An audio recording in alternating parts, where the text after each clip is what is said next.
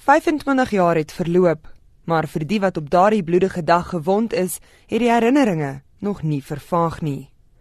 Buiten vir die 29 sterftes is 200 mense ook beseer. Die Oos-Kaapenaar, Boysie Nkono, is een van die oorlewendes. Hy is in sy bolyf en bene geskiet en is tans werkloos. We want the government to provide us with the house. Well, some of us we don't have houses, and must also provide us with the jobs because we don't have a jobs. We are suffering in our families. We don't know where to go, and we want also the, the government to provide our children with education. Some of us we need a special doctor. Die premier van die Oos-Kaap, Pumulo Masuale, sê die regering probeer help waar hy kan. We have got to get closer to them, their specific circumstances, provide them with the necessary support where we can.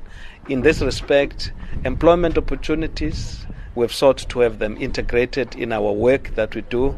We've sought to look after their young children uh, for schooling needs. We deliberately bias towards supporting them. 'n Opdraggewende redakteur by die SAIK, Kaya Mpunzima, was destyds 'n kameraman wat die optog en die gebeure daarna gedek het. We were supposed to be in the copter and get some aerial shots, but immediately when we had the shots, we had to rush to where the shots were. And then when we arrived there, there were bodies all over. It was very traumatic, and some people were screaming, some were trying to help, and all of a sudden there were emergency vehicles ambulances that were coming in. So it was one of those traumatic experiences. 'n sentrum wat meer as 50 miljoen rand werd is is onthul by die Bishu stadion.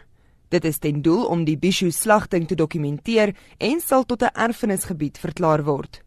Die verslag van Yanga Funani en Kolani Sichinga en ek is Henry Wondergem vir SAK nuus